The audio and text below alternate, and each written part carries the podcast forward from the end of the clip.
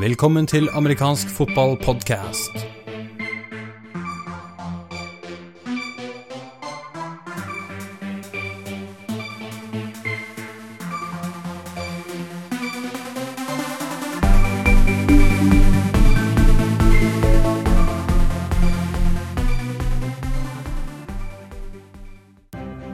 Velkommen til episode 17 av amerikansk fotballpodkast. I denne episoden, som eh, ledes av eh, programleder Patrick Hamnøy, skal vi bl.a. snakke med en utvekslingselev i USA som spiller high school-fotball. Vi skal se på NFL og hva som skjer der, ikke minst eh, hvordan det går med Philadelphia Eagles og Carson Wentz. Vi skal innom norsk-amerikansk fotball, hvor det skjer utrolig mye spennende rundt serieoppsett for 2017 og eliteserie og førstedivisjon der. Vi skal også en tur innom hva som skjer nå i høst, eh, og ikke minst kampene som har foregått i U19-serien og U15-serien siden sist vi hadde sending. Da er vi klare for første periode av dagens sending.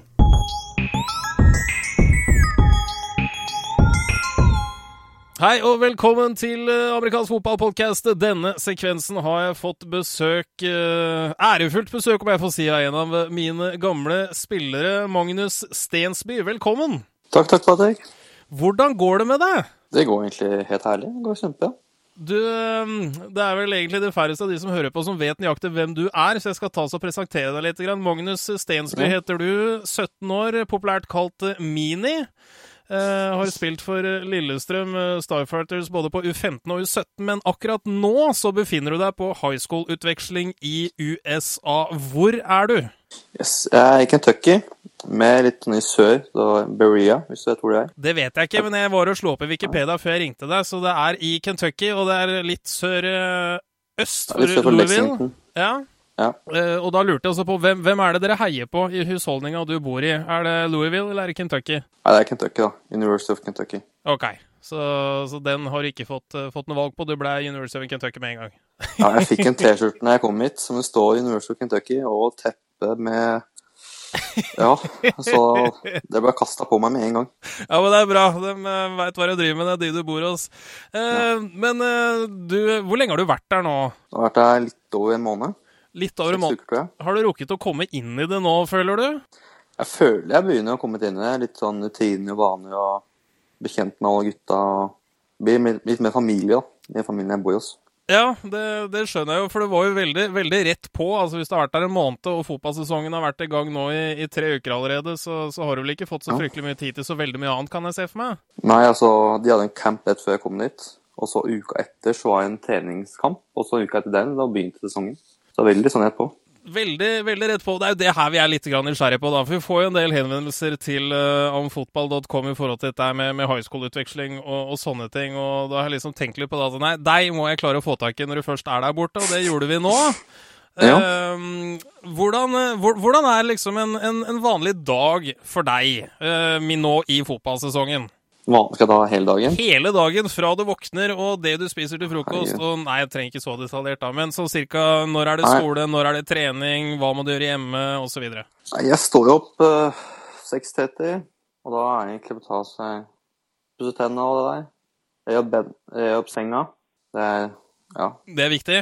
Ja, det er visst det. Jeg er, jeg er aldri vant til det, men uh, de er jo så veldig på det. Okay. Alt skal være ryddig og clean og være med alle skittent tøy og alt sånt. Ja. Det, er jo, det er jo greit nok, da. Så er det jo å spise. Da spiser jeg havregrøt. Da føler jeg meg liksom hjemme. Ja. Det er veldig godt. Og så sitter jeg ordentlig med magen og For alt er ikke like sunt. Nei, jeg har fått inntrykk av det. det er veldig... Man er glad i sukker der borte. Er det inntrykket ditt òg? Ja. Det er sukker og fett og fritert ting. Absolutt. Det er. Men da har du fått i deg frokost, og du er på vei til skolen. Når begynner skoledagen? Yes. Den begynner åtte. Men som regel så møter vi først i da garderoben, og da snakker vi og litt sånn. Og så går vi i kafeteriaen. Noen ganger spiser jeg frokost der også. Det er litt opp og ned åssen den kvaliteten er. Mm. Iblant er det smultring, iblant så er det noen innbakt pizza som ikke er noe godt. Og... Men iblant så er jeg faktisk pasta, så da spiser jeg det. Ja. Og så er det jo bare time for time, da. Går, da går jeg først til første, første time, som er kjemi. Så ja, egentlig bare dagen etter det. Skal du ha hele planen min nå? Nei, jeg trenger ikke hele planen. Men eh, så cirka du begynner på skolen sånn i åttetida, og så er du ferdig Ja. cirka klokka Nei, det ser jeg ikke på. Det er vel sånn i tretida, tror jeg. sånn tretida. Og så er det rett fra skole, er det da rett på trening? Men først, for tredje timen min, skjønner du, det er da vektløfting. Så da Oi. er man fotballgutt i det også. Så altså vektløfting som en klassetime. Se der, ja. Så da kan du på en måte si det er fotballtrening da også, da. Så du får karakterer på det òg, eller er det bare sånn valgfag? Jeg får karakterer på det også. Og tre alle fag. Karakterer på vektløfting? Styrketrening?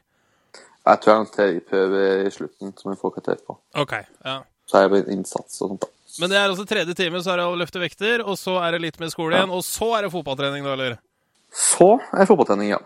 Men først så er det er veldig varierende, for du har, du har forskjellig hver dag da, i forhold til når det er kamp på fredag. Så mandag, tirsdag, onsdag alt forskjellig, men som regel da, så har vi et møte før trening, hvor det deles opp i store gutter og små gutter, holdt på å si. Linje og running backs og de. hver for seg. Ja. Og da ser vi da først litt på de vi møter, gametape. Og så er det vel egentlig gå gjennom nye spill. Ja, nye spill og ny formasjon nesten hver, hver uke. Og det er jo egentlig veldig vanskelig for meg, da, som kommer rett inn i det. Vanskelig for deg som har hatt så dårlig trener i Norge, og gir deg det utgangspunktet.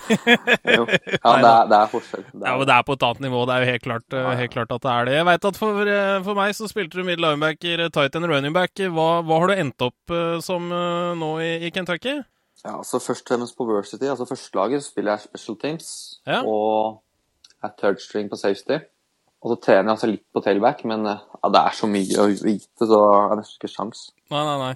Men jeg prøver jo å være med på treninger og spille i scout-team der. Som er dummies, hvis det gir meg mening. Ja, ja, ja. Men på junior, altså andre laget, da er jeg starting safety. På JV, Og- som de kaller det. Ja, så da er jeg starting safety og second string på tailback, for det var litt mindre å vite. Litt mindre å huske på alt det der. Så det er, mye enklere, og det er morsomt. Ja, Da det tror føler jeg meg liksom hjemme. Men alle, alle tre Takk. Det er litt, det er mer nivå som hjemme da, på JV forhold til uh, Versity, ja. Ja, Hvis vi ser for oss da Nå har jo du spilt norske U15 og norsk U17, og du er jo med stort sett og får spilletid da på JV Junior Varsity. Hvordan, hvordan er nivået der, skal du si, sammenligna med, med norsk U17? Ja, altså i 17 følger jeg mye mer som JV. Versity er Så stort sett så er jeg bare ti kilo større, og teknikkmessig så er det mye av det samme. Mm. Mm, Playbooka er mye vanskelig, for de har veldig mye sånn folk til åssen defense liner opp. Hvordan blocking-schemen er, alt det der. Ok. Så det er blockinga som er den store forskjellen, føler jeg, da. Som er vanskelig å vite. Det er fotballforståelsen naturlig nok er litt større Ja, der ja. borte. Det er det du, det du prøver å si der. I tillegg så er det altså elleve mann. Jeg er vant til ni mann. Ja, Så, så i forhold til pulling og blokke opp til andre linjer, bare skippe folk og sånn, det er jo helt Ja. litt unaturlig. Ja. Det, det tror jeg på. Men eh, det er jo, dere er jo Dere trener sammen, altså Varsity og Junior Varsity. Hvor mange vil du si dere er på laget totalt? Altså, vi trener jo egentlig alle sammen med freshmen også. Freshmen er som regel for seg selv, da. De er vel sånn 20 stykker, kanskje. Ja. Men totalt sett på hele laget så jeg sier vi er 70, kanskje. 60, 70, 80. Et eller annet rundt der. 60, 70, 80, og da kan jeg Ja. kanskje trygt å anta at alle er på trening òg, da, eller? Ja, ja, ja. Altså, det er jo etter skolen, altså. Hvis du er på skolen, er jeg på trening. Men eh, nå er det kanskje litt til å si, da, for du har vært der en, en måned allerede. Men, eh, men du, det føles som du har gjort et godt valg ved å ta, ta dette året nå i USA. Ja, ja. Det er en fantastisk opplevelse. Det vil du si. Så det er noe du, du gjerne skulle anbefalt eh, og sett, sett at flere ungdommer tok seg turen ut for å gjøre? Ja, ja, men altså, fotball er ikke alt, men det er absolutt en stor bonus. Det er gøy å bare se sånn På kampdag så går vi i jerseyen vår på skolen. Og da siste timen da, så er jeg på en måte i klasserommet øverst bortest. Så når jeg går til da, trening, så ser jeg liksom fotballspillet komme ut i gang, skape denne flokken da, går gjennom hele skolen. Det, det er bare rått å se på. Det er noe, det er noe Det er uh, eget, høres det ut som. Ja. Det å møte fotballspill i klassen og Nei, det er gøy. Så nå er du blitt en av jocksa som man så i filmene fra 80-tallet? Jo, da kan man si det. Nei da. Nei, men veit du hva, det var uh, veldig ålreit å få et lite innblikk i hvordan hverdagen er for en uh, norsk utvekslingsstudent eh, i eh, USA. Nå gikk dere på det første tapet for sesongen nå fredagen som var, men utover det så har dere vunnet de to foregående, så vi får håpe at det holder seg gjennom sesongen. Magnus Stensby, tusen takk. Men tusen takk. Da er første periode over, og vi er klare for andre periode.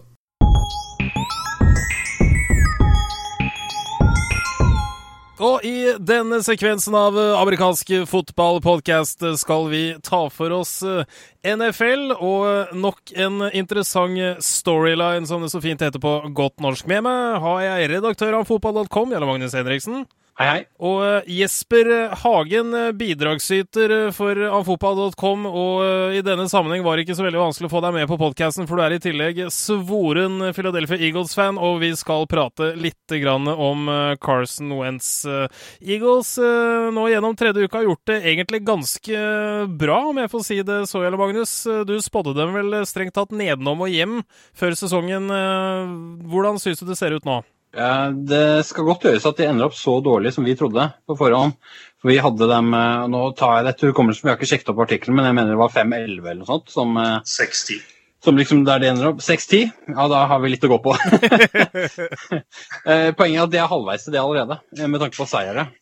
Og de er ikke i nærheten å se ut som de gjør seg bort, også mot gode lag. Så dette lover veldig godt for Philadelphia. Eh, vi skrev vel også, eh, Husk at når vi skrev artikkelen, så var det en som het Sam Bradford, som var eh, tiltenkt å være QB. Og så skulle han Carson Wentz, da, som ble draftet i år, komme inn etter hvert, og kanskje, kanskje ikke før neste år. Bradford han fikk de kvitta seg med, i den forstand at han havna hos Minnesota Vikings når Teddy Bridgewater la seg ned. Og det tror jeg var greit for både Vikings som en løsning, og ikke minst så har det vist seg å være veldig greit for Eagles, hvor eh, Carson Wentz har sett meget bra ut til å være rookie. Nå skal vi huske det at for de som ja, nå drar jeg langt tilbake, men hvis du husker Rick Meyer, så er det ikke så mange som husker han i dag. Nettopp. Men han gjorde det veldig bra i begynnelsen av sin karriere for Seattle Seahawks. Da, da snakker vi om de første kampene, første halve delen av sesongen. Og så gikk det litt nedenom og hjem. Så det, det er sånn tidlig å dele ut gullmedaljer og den typen ting. Men uh, Wentz har uh, virkelig begynt sterkt. Og så har hele laget vist uh, Altså, vi tippet litt på forhånd at det ble trenerskifte. Det er mye rot der, for det hadde vært mye kaos på personellsiden og dette her under Chip Kelly. Uh, så vi, skrev noe om at uh, Doug Pedersen og det systemet de bringer med seg, kan nok komme til å passe spillerne bedre. Så hvordan kan det da bli dårlig resultat?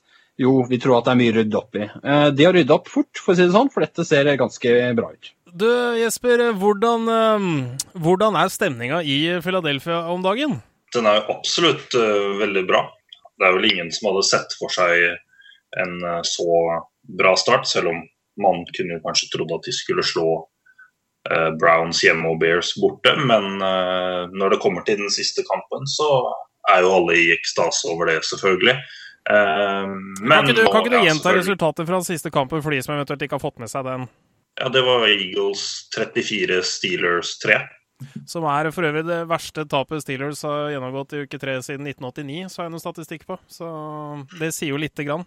Um, jo, nei, men så, selvfølgelig. Altså, man er jo ikke Eagles-fan uten å være litt skeptisk også. Så, så, så, tidlig som i dag så så jeg det kom artikler som uh, gikk inn på noen punkter uh, hvor alt gikk stang inn uh, for Eagles sist kamp, da, med mye skader til Steelers, blokkert field goal, litt sånn småting som alltid alt bidrar til å avgjøre kamper, faktisk. Eh, men eh, selvfølgelig, herregud, eh, skal ikke klage på sesongstarten. Det syns jeg ikke at man skal. Nå fikk jeg for så vidt med meg kampen eh, mot, eh, mot, Steelers, og eh, det har vel strengt tatt sett Steelers ha bedre kamp. Det var et par ganske heftige drops av Marcus Wheaton her i starten av kampen som jeg tror kanskje kunne ha bidratt til at ting så litt, litt annerledes ut. Men det som imponerer meg aller mest her, må jeg si, fra, fra Eagles sin del, og, og, det er etter at Jim Schwartz tok over som defensiv koordinator nå, så har han også tatt med seg den gode, gamle 4-3-en. Uh, og Eagles spilte jo 3-4 under Chip Kelly, og mm, jeg må innrømme, det her kan kanskje du svare på. Har de bytta ut mange folk, eller er det bare at defensen passer Eagles mye, mye bedre enn 3-4? Uh, eh, den defensive linjen er jo helt lik. Har hentet inn et par som uh, Jim Schwartz har trent tidligere, både i Detroit og, og Bills. Uh, Bradham og Tullock, f.eks.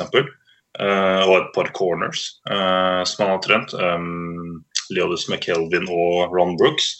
Men annet enn det så er det ganske mange av de samme spillerne under Chip Kelly. Så det er veldig godt poeng det du sier. Forsvaret har vært Uh, egentlig over all forventning. Ja, det, det, mest imponerende er, uh, er, rett og slett hvor mye press de klarer å få på QB-en, og det var ikke mye de blitsa der. Altså. Så det er ganske tydelig at det spesielt uh, Conor Bowen trives mye bedre med hånda ned i bakken. Det er ganske tydelig at Fletcher Cox trives bedre som en 4-3 defensive tackle enn han gjorde i en 3-4-end. Det er rett og slett veldig mange endringer som, ser, som, gjør at det ser veldig veldig bra ut. Men Jarle Magnus, da er det da Eh, store historien offseason var jo da under, under, draften. Det var to QBs som ble drafta øverst. Eh, ene har vi fortsatt i gode å se noe til. Han er tilsynelatende blitt draftet av Rams i første runde. Jared Goff, eh, verken sett eller hørt fra siden før seriestart og Hardnocks-serien. Mens Carlson Wentz går ut og, dominerer på den måten han, han i hvert fall hittil har gjort igjen de tre, de tre første ukene. Hvorfor, hvorfor er det så stor forskjell på disse? Eh, det er litt tidlig å snakke om de store forskjellene, fordi eh, Jared Goff ikke har vært på banen eh, i selve sesongen. Og da er det også sånn at det tar noen år før man ser liksom helt hvordan dette faller ut. Så jeg tenker Carson Wentz har, har nok gjort en del skeptikere ja, mer troende på hans egenskaper. Man visste jo at han hadde fysiske forutsetninger, så spørsmålet var liksom ja, motstanden, kvaliteten på den. Hvordan vil han reagere på det? Og det har han jo tatt uh, taken in stride, for å si det på godt uh, nynorsk. Mens uh, Jared Goff, ja vel. kritikken nå går jo liksom på ja, Han sitter på benken bak Case Keenum. Hvor dårlig er man da? Og det er kanskje litt for tidlig å si. Jeg tenker nok at han har en trener som muligens tenker litt lengre enn denne sesongen og tenker på hva er best for Goff i det lange løp. og Da kan det være at en kombinasjon her av at han faktisk ikke er helt klar, og det at, at Rams ikke nødvendigvis er det beste laget, gjør at man lar det gå litt tid. Nå skal det sies at, at Keenum og kompani de er 2-1, de. Så etter at de tapte så forferdelig dårlig ut med jeg tror det var 28-0 de tapte for Fort Niners i mm. serieåpningen, så har de vunnet to eh, strake. Så det mm, kan hende at han får eh, sjansen etter hvert, fordi Keenum har jo ikke akkurat imponert. Han har, han har vært liksom en journeyman-QB, som han også er. Eh, men det er klart ja, Hva er det de vant for nå? De vant 9-3. Det er jo ikke akkurat noe sånn der store offensiv feiring. Og så vant de riktignok 37-32 mot Tamper Bay nå sist, så det, det, jo, og da skapte de mye mer offensivt. Men ja, La det gå noen runder til, og så ser vi om når vi kommer forbi bye-weeken deres, som for øvrig er i uke åtte, ikke sånn som Philadelphia som har den nå, om, om, de kanskje gjør et QB-skifte da. Det skal du ikke se helt vekk fra. Men uh, denne diskusjonen angående Carson Wentz, da, for at han kom jo fra et uh, litt lavere nivå i collegefotballen, altså FCS. Uh, hvor egentlig brorparten av kritikken eh, kom fra. Sist gang vi hadde samme runde, så var det med, med Joe Flacco når han ble draftet fra, fra Delaware til, til Baltimore. Um, tror du vi kommer til å få en slutt på disse diskusjonene og bare se talentet for det der, eller tror du den kommer til å dukke opp hver eneste gang? Kommer, kommer til å være der til evig tid. Og så er det sånn at FCS-nivå har gitt mange kuber som har holdt godt nok nivå. Så det er ikke noe sånn der Jeg tror ikke det er noen som av de som diskuterer dette seriøst, som sier at ja, det er umulig å være derfra og være god, det kan ikke stemme. Det er bare at man har en større sikkerhet for at de som har spilt på og nå snakker vi de beste FBS-divisjonene, ikke alle der heller, eller mm. conferences, eh, de har hatt mer kvalifisert motstand. Det betyr ikke eh, betyr ikke at de er noe suksess umiddelbart, men det betyr at det er større sannsynlighet for at man vet hva de står for i, i større grad. Og så er det klart, Jo lenger ned i divisjonsnivået du kommer, jo mindre sannsynlig er det at eh, man har eh, møtt god nok motstand til å liksom hoppe rett inn. Men Wentz han har hoppet rett inn. Avslutningsvis, eh, Jesper. Er det, hvordan, er det noen kamper du gruer deg til da, som, som fan nå? For du kanskje ser for deg at Wentz kommer til å møte på litt verre motstand enn han har hittil? Ja, det kommer en del uh, tøffe utover. Uh, skal jo var jo så uheldig i anførselstegn og vant den siste kampen mot uh, Giants, som vi alltid gjør, uh, i fjor i siste kamp. Og da blir det borte mot Seattle istedenfor uh, London mot Rams. Uh, og så er det Ravens borte. Det er jo Packers skal vi møte. hele NFC North for en saks skyld, og Vikings inkludert. Så det kommer en del vanskelige kamper. Men så langt så har jo Doug Peterson vist at han kan coache og gjøre laget forberedt på alle aspekter. og ja, Alt ser jo veldig bra ut med laget. Det virker ikke som oppgaven er for stor for ham. Dere vet jo det, at det er mye som går med på det å bygge lag. Det er jo Spillerne skal trives, de skal tro på prosjektet. og Det er veldig mye som kommer innunder der. og Han har gjort absolutt alt riktig eh, så langt. Så jeg vil egentlig nesten trekke fram han som den ja, nest beste rookien vår, kaller du det. ja, men Doug ja. Peterson, hva, hva, hva, visste vi egentlig om han før sesongen? Eller? Han er jo en veteran innenfor eh, NFL. Eh, først og fremst så husker man han som en eh, backup-QB i veldig mange år. Han var vel backup for Brett Farver, så vidt jeg kan huske, hos Packers i mange år. Og så har han vært, vært liksom rundene som offensiv koordinator og gjort suksess, eller god nok suksess i hvert fall der hovedtrener, der har han eh, ikke hatt erfaringer. Så det er det som har vært mye av spenningsmomentet. Så vi vet vel ikke så mye mer enn at han da drar med seg noe West Coast og, og den type ting. Uh, men bare for å slå, slå til med én ting her, og det er uh, når vi snakker om det som er spennende for Eagles framover. Vikings i uke syv. 23. oktober. oh yes. Mot Sam Bradford. nei, det gleder jeg meg til. Det kan vi absolutt gjøre. Men uh, uansett om man er fan av Eagles uh, eller ikke, hvilket jeg personlig overhodet ikke er, så er det utrolig gøy å se en uh, rookie Cube gjøre det såpass bra, og menn for en kort periode. Så um, det er kudos til han og kudos til støtteapparatet rundt, og vi følger med videre i spenning. Da sier jeg takk til dere begge to. Jesper, takk for innspill. Bare hyggelig. Alltid hyggelig å være med. Takk for det. Jarle Magnus, takk til deg. Takk for nå. Andre periode er over. Vi er klare for tredje periode.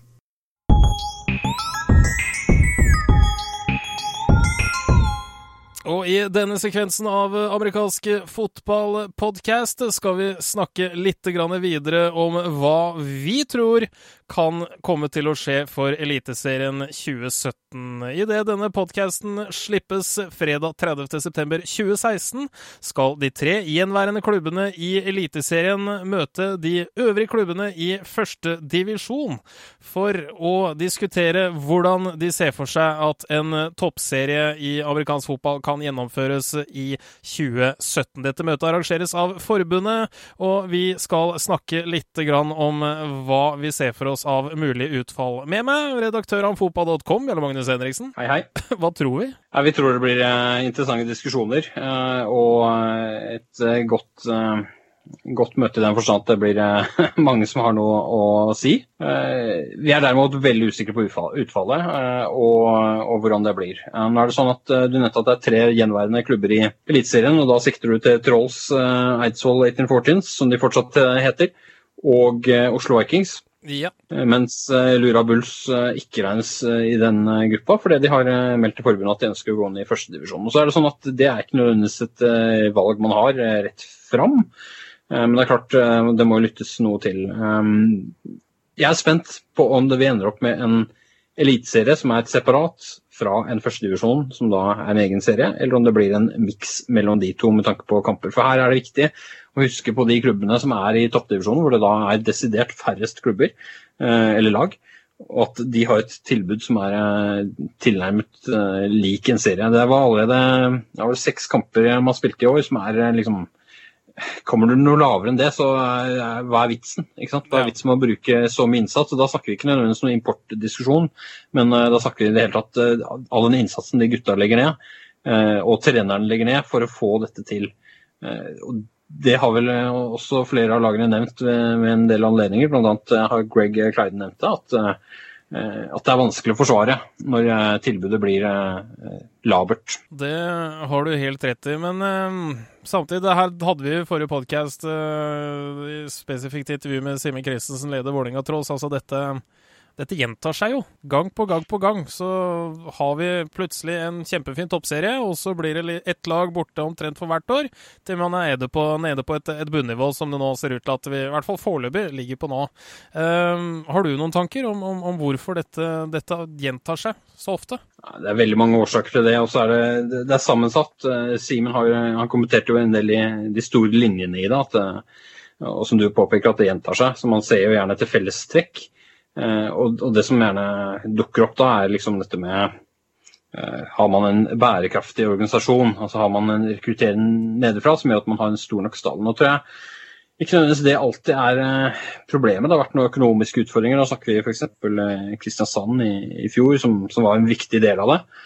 Eh, og så har du eh, Domers eh, gikk vel ned fordi de følte at de ikke kunne konkurrere på samme vilkår med tanke på eh, importer, altså økonomien i det. Og det er den store kjernen man ofte kommer tilbake til, er jo dette med importer. da. For Lurås en del så var det jo litt sånn ja, vi, vi, får ikke lov til å ha importer neste år. Eh, og dermed så blir det vanskelig å få det til, og det, det er for så vidt et poeng. Jeg mener nok at man har mer å tjene på å da kjempe seg gjennom det, det ene eller de to årene eller hva det nå skulle blitt. Og få den matchingen som gjør at selv om man møter tøffere motstand enn Ikke at den er så mye tøffere enn det de var vant til, men de har ikke den samme slagkraften selv. Så bør man heller komme seg gjennom det og, og sørge for at de spillerne som er der, får den matchingen og blir hakket bedre. Det er, tenker jeg er litt sånn kulturbyggende sak, istedenfor at man hopper ned når man møter eh, en sjanse for å, å ende opp med flere tap enn seire. Kulturbyggende da potensielt tape seks av seks kamper? Nei, det er kulturbyggende og eh, for det første spille mot god eh, og best mulig motstand. Og for det andre skjønne at eh, av og til så må man kjempe seg gjennom ting selv om de er vondt og vanskelig. og det det å spille uten importer, ja det, det, er en ulempe, men det er på en måte en situasjon man er, er, har satt seg selv litt i. Uh, uavhengig av eh, hvordan regelverket er, for det, er sikkert eh, delte synspunkter på det, det vet vi jo at det er. Eh, så er regelverket som det er, og det, har vært kjent eh, lenge nok til at man, eh, man, vet hva man går inn i. Men for å nyansere dette her litt, det, er ingen som har lagt inn noe importforbud sånn sett. Altså, I teorien så vil jo Eh, klubb uten underlag kunne hente inn en import, men vedkommende kunne ikke være amerikansk, eller hvordan var det? Nei, eh, det er eh, sånn det er definert i reglementet nå, så er det profesjonelle spillere. Dvs. Si det er betalte spillere det går på. Okay. Så er det regler i forhold til betaling. Ja, det er uavhengig av hvor de kommer fra. Det er, det er sånn at I Eliteserien så kan man hente egentlig uansett nasjonalitet, la oss kalle det det for et, å bruke et enkelt begrep. Mens når man går ned fra toppnivået, så er det eh, forholder man seg, ting, seg, til ting når det gjelder eh, hvem som kan få arbeidstillatelse, og den typen ting, som gjør at man ikke eh, egentlig kan hente noen som er fra utenfor det europeiske økonomiske samarbeidsområdet. altså Dvs. Si stort sett EU-borgere. Eh, og Det er en begrensning da, som er forskjell på Eliteserien og førstedivisjon. Det er ikke valgt av forbundet, og det er ikke valgt av klubbene selv. Det eh, ble et stort eh, tema for kvartfinalene i år, i hvert fall for noen. Men Tja, hva skal man si for noe? Eh, reglene sånn som det er nå i dag, er i hvert fall lagt opp til at man må ha eh, I Eliteserien så må man ha to juniorlag. Uh, altså vil Si enten et U19 og U17, eller et U19 og U15, eller et U17 og U15-lag. I seriespill, som gjennomfører seriespill, for å ha lov til å ha importer. Det er en regel som ble skjerpet inn fra at det tidligere var en krav om ett juniorlag. Og så har importreglene endret seg over tid, det vet vi, uten at vi skal liksom ta hele den regla. Uh, men vi har jo diskutert dette noen ganger, Patrick, at, uh, at vi skulle nok gjerne sett et regelsett som tilsa at man kunne ha Istedenfor at det er liksom en, en, sånn eh, pisk bak dette her, så er det et insentiv som går på at man kan ha én import per juniornivå man har lag i seriespill på. Altså Hvis man har et U19-lag, så kan man ha én import. Har man et U19 og et U17, så kan man ha to. Har man U19, U17 og U15, så kan man ha tre. Og det, Hele poenget med det er at da er det liksom en, det er en, en, det er en logikk, det er en sammenheng i dette med bærekraftighet og hva man faktisk gjør. ikke sant? Sånn at man, mm. Det er hele poenget bak en, en sånn type regel. Og dette er lurere enn det regelsettet som er nå. Uh, uansett så må man forholde seg til det regelsettet som er, som klubb. Så er det kjipt når det endrer seg på kort varsel, men uh, er ett år kort varsel? Nei, det må jo sies de har vært eh, fryktelig tidlig ute, så jeg tror i den grad vi snakker korte, lange varsler her i landet, så er vel dette nå det lengste vi har hatt. Så det er jo for så vidt en fordel. Eh, jeg er egentlig, som du sa, enig med deg. For min del hadde jeg satt et tak på to. Men som du sier, mm. altså man da kunne hatt ett per på en måte lag. Eh, men begrensa oppad de to. Jeg tror ikke det ville vært noe insentiv for å si det, men da gir vi Beng i det siste underlaget. Det tror jeg ikke hadde skjedd i det hele tatt. Men eh, hvis vi skal prøve å se for oss altså, hvordan eh, hvordan blir dette senes ut, da? Et av alternativene som har blitt luftet, er at eh, OK, det er tre lag igjen, og det er potensielt to lag i nåværende førstedivisjon som i veldig store anførselstegn her kan tvinges opp i en, eh, en, divisjon, fordi de da har lag nok til å ta importer. Eh, ser du for deg at det er en, er en mulig løsning? Det kan være en potensiell løsning hvis de lagene går med på det fordi det endres f.eks. i at man kan ha maks én import eller et eller annet sånt som de og de, hvis de syns det er en grei regel. Altså det, det er en sånn diskusjonssak som jeg tipper blir avgjort, eh, eller i hvert fall sagt veldig klare føringer for, i løpet av det møtet som er nå ja, fredag, når vi gir ut denne podkasten. Men jeg, jeg, tror ikke det er nødvendigvis er heldig. Vi må huske hvem er det da som er igjen i førstedivisjon, hva slags tilbud har de? Og så tror jeg heller ikke det er noe spesielt godt alternativ at alle førstedivisjonslagene blir med i en sånn serie hvor det er også Eliteserien. Eh, det er ekstremt stor forskjell nå, i hvert fall hvis vi ser på resultatene i 2016, på eh, førstedivisjonslagene. Hvis du ser eh, altså sånn som Åsane og Nidaros dominerte de fleste kampene sine, ikke alle, men de fleste, i den serien. Og så ble de selv dominert, eh, spesielt av Åsane, i eh, kvartfinalen. Og så kan vi diskutere litt hvordan det skjedde. Ja, og så har jeg lyst til å si hvor mange importer møtte Åsane den kampen? Har ikke noe å si. for at hvis Nei, du ser på hvordan den kampen gikk... jeg spør ikke hva det har å si, jeg spør hvor mange importer møtte de. Nei, eh, jeg vil ikke diskutere på den måten, for vi må se hva de gjorde for noe. Eh, og Hvis du ser på f.eks. offense der, så hadde det veldig lite å si. De lå under med tre eller fire touchdowns de før eh, import, den ene importen fikk hendene sine på ballen første gang. defensivt så tror jeg heller vi skal si at der hadde importen til Lura mye å si. Sånn at, uh, men jeg, jeg, tror ikke det, det, viktigste der i forskjellen på de to lagene i den kampen var nok mer at uh, Åsane var uh, ja, virka ikke fryktelig motivert for den kampen. Det er én ting. Og det andre er at de hadde en del skader og sånne ting som gjorde et utslag. Så jeg tror nok det kunne vært en jevnere kamp hvis et par kriterier hadde vært litt annerledes. Jeg tror ikke nødvendigvis importgreiene hadde vært en Det er ikke forskjell på tap og seier i den kampen. Det er det ikke. Men hvor mange importer var det? Det er greit. Den eh, avstår du fra å svare på, så det skal du få så vidt lov til å slippe. Ser vi for oss en løsning der man for ett år, og det ville for så vidt vært første gang i amerikansk fotball på godt over 20 år, at man for ett år sier i 2017 ingen importer? Det er en mulig løsning, og det er en interessant eh, løsning å diskutere, syns jeg. Eh, jeg. jeg har vært litt involvert i Bulls opp gjennom årene, for å si det mildt. Uh, og jeg tror ikke Bulls er laget som skal foreslå det. Uh, det må nok komme fra andre hold, skal man velge det. Men Tror du det er interessant for de lagene i nåværende førstedivisjon? Da tenker jeg ikke nødvendigvis ja, på Domers Åsane, men de som kanskje er hakket under der igjen. da. Ja, Typ Ålandsmenn, Haugesund osv. Kommer det til å være ja, interessant for dem? Det er nok. Jeg, jeg tror det og Greg var inne på det, Greg Clyden og Eidsvoll var inne på det i forrige podkast, at det de er nok et av de lagene som vil oppleve det som kjipest. fordi de har en spiller som, som har, de har hatt med seg i flere år, som de opplever som en viktig del av laget.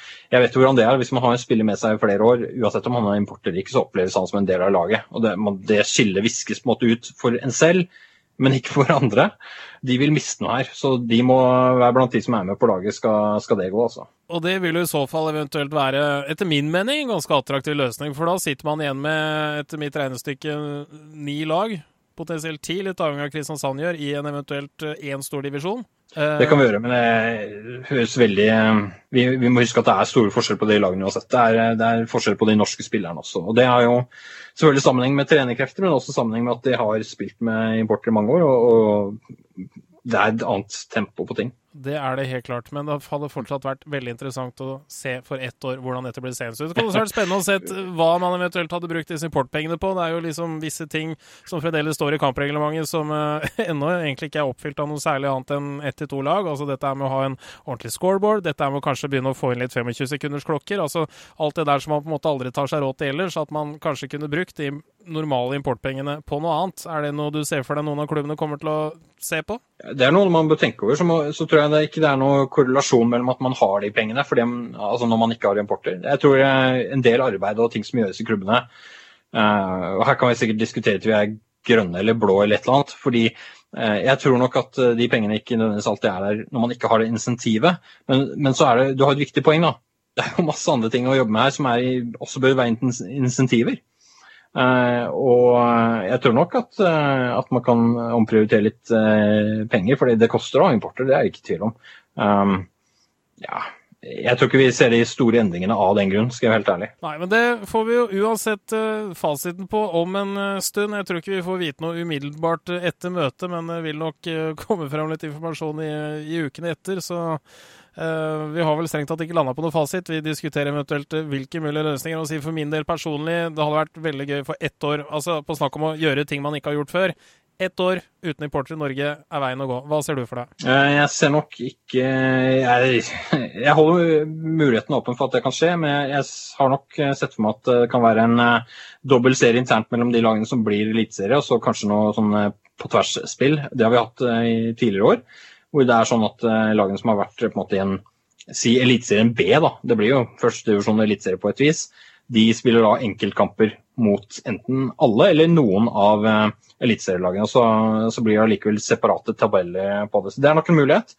Uh, litt nysgjerrig på den tanken din. Ja, hvis vi kunne liksom velge tre alternativer og se de parallelt uh, utspille seg, så hadde vi nok tatt de tre alternativene i virkeligheten og sett hvordan det gikk. Det hadde vært uh, spennende. Men sånn er det ikke. Man må ta ett valg, og det er det som blir det endelige. Om ikke annet for å bare stagge den diskusjonen for et par år, hadde vært litt behagelig, det òg. det har vært veldig interessant. Altså, poenget ditt er jo liksom hvilke utslag hadde det gitt, og la oss, la oss, se om vi kan greie det. Og noen nevnte vel også Storbritannia som et eksempel. Eh, litt likt i den forstand at de har en lang historie med importer i Storbritannia, og så har de gått vekk fra det. Og så har de greid seg selv fordi kompetansen er der. Den er bygd opp bl.a. via importer, og så, så, må vi jo eh, erkjenne at det er veldig mange i England som har brukt mye tid og vært ufattelig ildkjeller for å få det til å gå rundt på en god måte. Eh, det kunne vært interessant å sette litt av det samme her, det er jo det du er inne på. Det hadde i tilfelle vært første gang på godt over 20 år at et lag vinner NM-gull uten importer. Vi får se. Spennende er det uansett. Dialog Magnus, eh, takk til deg. Tredje periode er over. Vi er klare for fjerde og siste periode.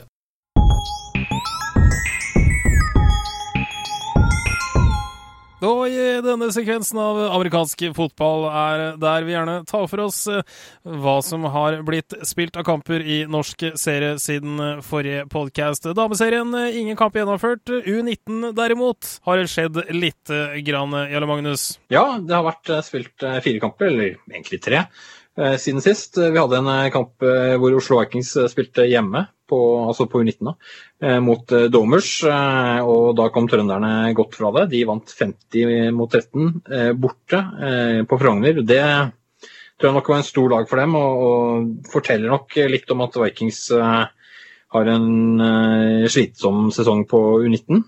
de har jo en del talent og sånn, men de manglet ifølge det vi har fått med oss fra bl.a. dommershold, eh, pasningsforsvar i den kampen. og det er klart eh, Mot et lag som Domers, eh, som har Johannes Moe på quarterback og bl.a. Brage Harby på receiver, så kan det straffe seg. Det gjorde de i den kampen her.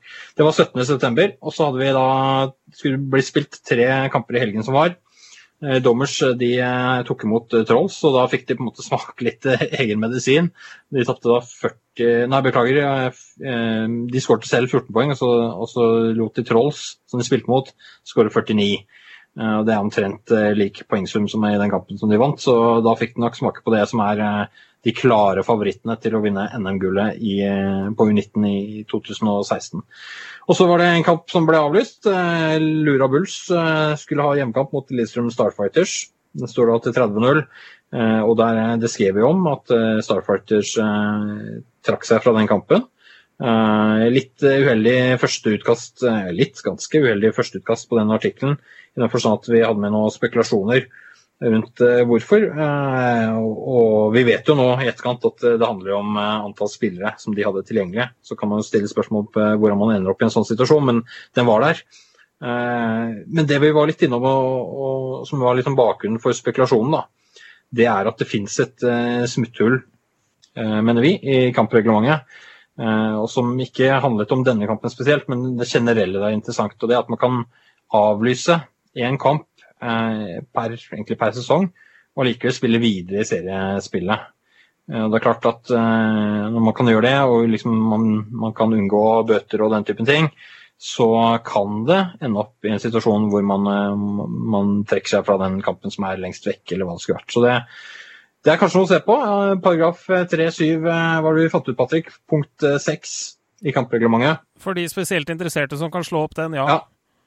Eh, så er det sånn at man kan, eh, man kan tape en kamp eh, på Åker og allikevel, allikevel, være med videre. Det er det jo noe positivt i også. ikke sant? Man kan ende opp i en kjip situasjon og så allikevel være med videre. og Da får alle lagene de kampene som, som man ellers hadde mistet hvis det laget automatisk var ute. Så det er et sånn tvetydig punkt, men, men, saken er at den åpner for en form for spekulasjon som ikke var tilfellet her. Men som, som, man må tenke litt nøye gjennom, og som jeg tror forbundet nok må være ekstra oppmerksom på i årene som kommer. Og så har det blitt spilt en kamp til, og det er Bærum. Ironman. Spilte hjemme mot Eidsvoll. Tapte da 14-29. Så jeg tror nok, når vi snakket om Eidsvoll som ett av lagene som seirer opp som ja, får vi kalle en favoritt til å gå til NM-finale, i hvert fall. Eh, og møtte, møtte Trolls. Ja, Trolls så, er ganske gitt der. Men jeg, akkurat den kampen ja. så jeg, og jeg må, jeg må innrømme ja. altså, Første delen av kampen var eh, Den gikk begge veier, altså. Mm, det var vel litt av det man kan kalle en, en litt chippy kamp. Altså litt uh, høy temperatur uh, begge sider. Det er tydelig at uh, Ironman har et par atleter på laget som gjør, som gjør mye. Quarterbacken deres, fantastisk dyktig. Spiller nummer 38. Vet ikke hva han heter heller, men også veldig god atlet. Eidsvoll igjen, som lag, briljerer. Og når de da får defensen opp og gå sånn midtveis ut i kampen, så begynner det å bli veldig vanskelig å, å være Ironman. Men jeg må innrømme at jeg syns det er spennende det de har fått til i, i Bærums Verk, Haugri EF i år. Ja, det har vi snakket om eh, tidligere også. og Det er, det er kjekt å se når det er kamper som ender med eh, en sånn resultatscore, eller, eller jevnere for den saks skyld. Sånn som eh, når Bærum slo Nidaros med, med, fire poeng. Den typen kamper er det kjekt at vi har flere av i norsk serie. For da, da begynner det å bli interessant å følge med på. Så det skal bli spennende å se hvem det er som ender opp i NM-finalen. Vi holder nok Trolls som favoritter til eneplassen, så tror jeg nok Eidsvoll Eh, kan eh, ta med seg et visst favorittstempel, men de er ikke alene. Det er lag der som kan gjøre et utslag, som Domers, som Ironman. Eh, jeg tror ikke vi tar med flere på den lista akkurat nå. Det gjør vi ikke, men det vi derimot kan spekulere litt i, er jo en kamp som skal spilles til helgen. Og det er Bulls som skal på tur til Bærum og spille mot ja. Ironman. For mm. Ironman har jo ikke møtt Vikings. Nei, og jeg vet at uh, Bulls har uh, god tro på seg selv som en uh, Ikke at de tror de vinner med å møte opp, men at de tror de kan kjempe om en seier der. Det vet jeg at de har. og det tipper jeg at Ironman har også. Og dermed så blir det en ny interessant kamp. Og som du sier, her er det noen lag som ikke har møtt hverandre, og, og, lag de har spilt mot og vunnet mot og tapt mot og sånne ting som ikke har spilt mot hverandre også. Så det blir interessant. Så liksom Fellesnevneren er vel kanskje at de fleste her etter hvert har har møtt Trolls og, og fått smake på pisken der.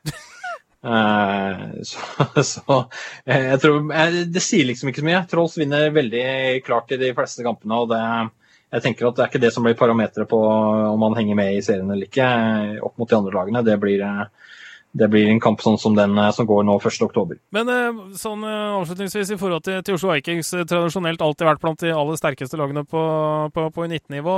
Ikke et fullt så godt år i år, i hvert fall ikke hittil. Um, er det noe, hva, hva, skjer? Er det generasjonsskifte? Er det kanskje litt færre spillere enn det man trodde man hadde? Har du noen formening om hva som foregår? på Frogner? Ja, ja, da baserer jeg egentlig mesteparten av det på samtalen jeg hadde med dem 27.8. Det er en stund siden, det er mye som har sikkert skjedd siden da. Men jeg kan ikke huske at de har tapt de tre første kampene i en U19-serie noen gang. og begynt der. Mulig at du kan gjøre det, men uh, jeg, jeg, kan ikke huske det i det hele tatt. Uh, og... Jo, 1998. 1998. ok, ja, stemmer, ja. Jeg skal ikke ja, nevne hvem som var hovedtrener i 1998 var jeg hovedtrener for det laget som vant NM-gullet. Oh, um, ja. Stemmer det. Det kommer 99 der. Sorry. ja. 99, ja. Da vant vi også de fleste kampene, men ikke alle. Uh, blant annet den første, for øvrig, over det laget som vant NM-gull til slutt. Og så uh, er det sånn at, uh, at du spurte egentlig om Vikings her, hva som skjer her. Vi har jo ikke hele oversikten på det, men, men de begynte jo med svært få spillere eh, når, vi, når de hadde første kampen, som var borte mot eh, Bulls. Og Indikasjonene da var at de, de har mista noen, ja, og så hadde de håp om å få med flere utover. Jeg har ikke sett hvordan det ser ut i de siste kampene med tanke på antallet spillere. Så jeg ser nok for meg at det kanskje har vært tyngre enn forventet å få inn eh, spillerne, og da kanskje uh, da blir da vet vi hvordan det er. Har du få spillere, så blir treningskvaliteten litt deretter, uansett om det er uh, kvalifiserte trenere og sånn. Og så så i hvert fall jeg at hvis, det, de hadde hatt den kjernen som de hadde eh, borte mot Puls, så eh, er det veldig fint for dem hvis lag spiller double wing eller prøver å tøffe seg opp midten på dem og sånn. Men eh, får du hurtighet og, og nedover banen, så kan det bli tøft, tøft tror jeg. Så det, det, ligger nok litt der. Og Det er også er jo litt overgangen fra ellemannsfotball til nimannsfotball som vi nå har på U19 i år. Altså det, er, det er fryktelig mye plass for, for offense boltre seg på, og tilsvarende vanskeligere å, å spille defense. Ja, på den annen side, hadde, hadde vi spilt Ellemann, så hadde ikke Vikings eh, Da hadde de hatt en 30-0-tap eh, eh, i første kamp på walkover, så eh, ja, går litt begge veier, det. Men jeg, jeg tenker lag som Domers de hadde kjent på det uansett. ikke sant? For de har, de har det pasningsspillet som er veldig veldig nyttig mot lag som da dessverre ikke har akkurat pasningsforsvaret i orden. og Det var vel tilbakemeldingen fra den Vikings mot uh, dommerskampen. i hvert fall. Ja, Det er fryktelig mye spread offense nå. Altså, Det er veldig mye spre ut alle spillerne, kast ballen, kast ballen, kast ballen. Mm. Uh, har, vi, har, vi, har, vi, spillere til det? Ja, noen lag har jo det. Det er jo kjekt å se forskjellige varianter av, av det. Men det vi, det vi, ofte etterlyser i Norge, er jo norske quarterbacks som blir utviklet og, og blir bra etter hvert. Uh, så det er jo kjekt å, å se at det er pasningsspill som uh, begynner å sitte rundt omkring. Som, som Troll, som Atle Haaland på, på. Det er jo en historie for seg selv. fantastisk spennende spiller.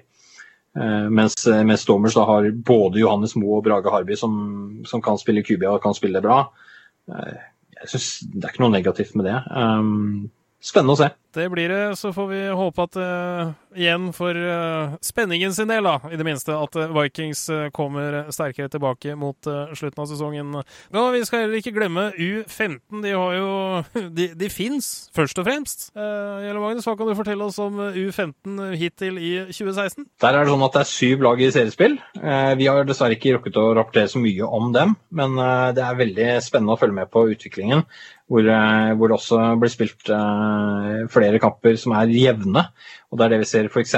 så det laget som ligger på bunnen på tabellen akkurat nå, Eidsvoll, eh, de tapte bare 25-12 eh, for det laget som ligger på toppen av tabellen. Og Det forteller en del om at det er, eh, det er spenning i de kampene, og det kan gå begge veier i mange av dem.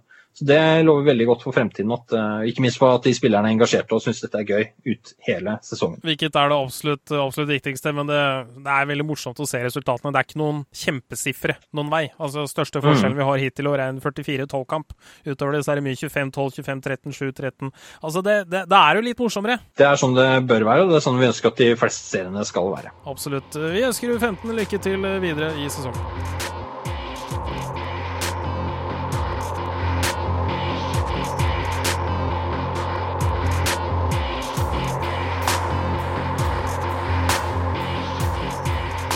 Amerikansk fotballpodkast er over for i dag. Vi takker for følget. Følg gjerne med på amfotball.com, så høres vi snart.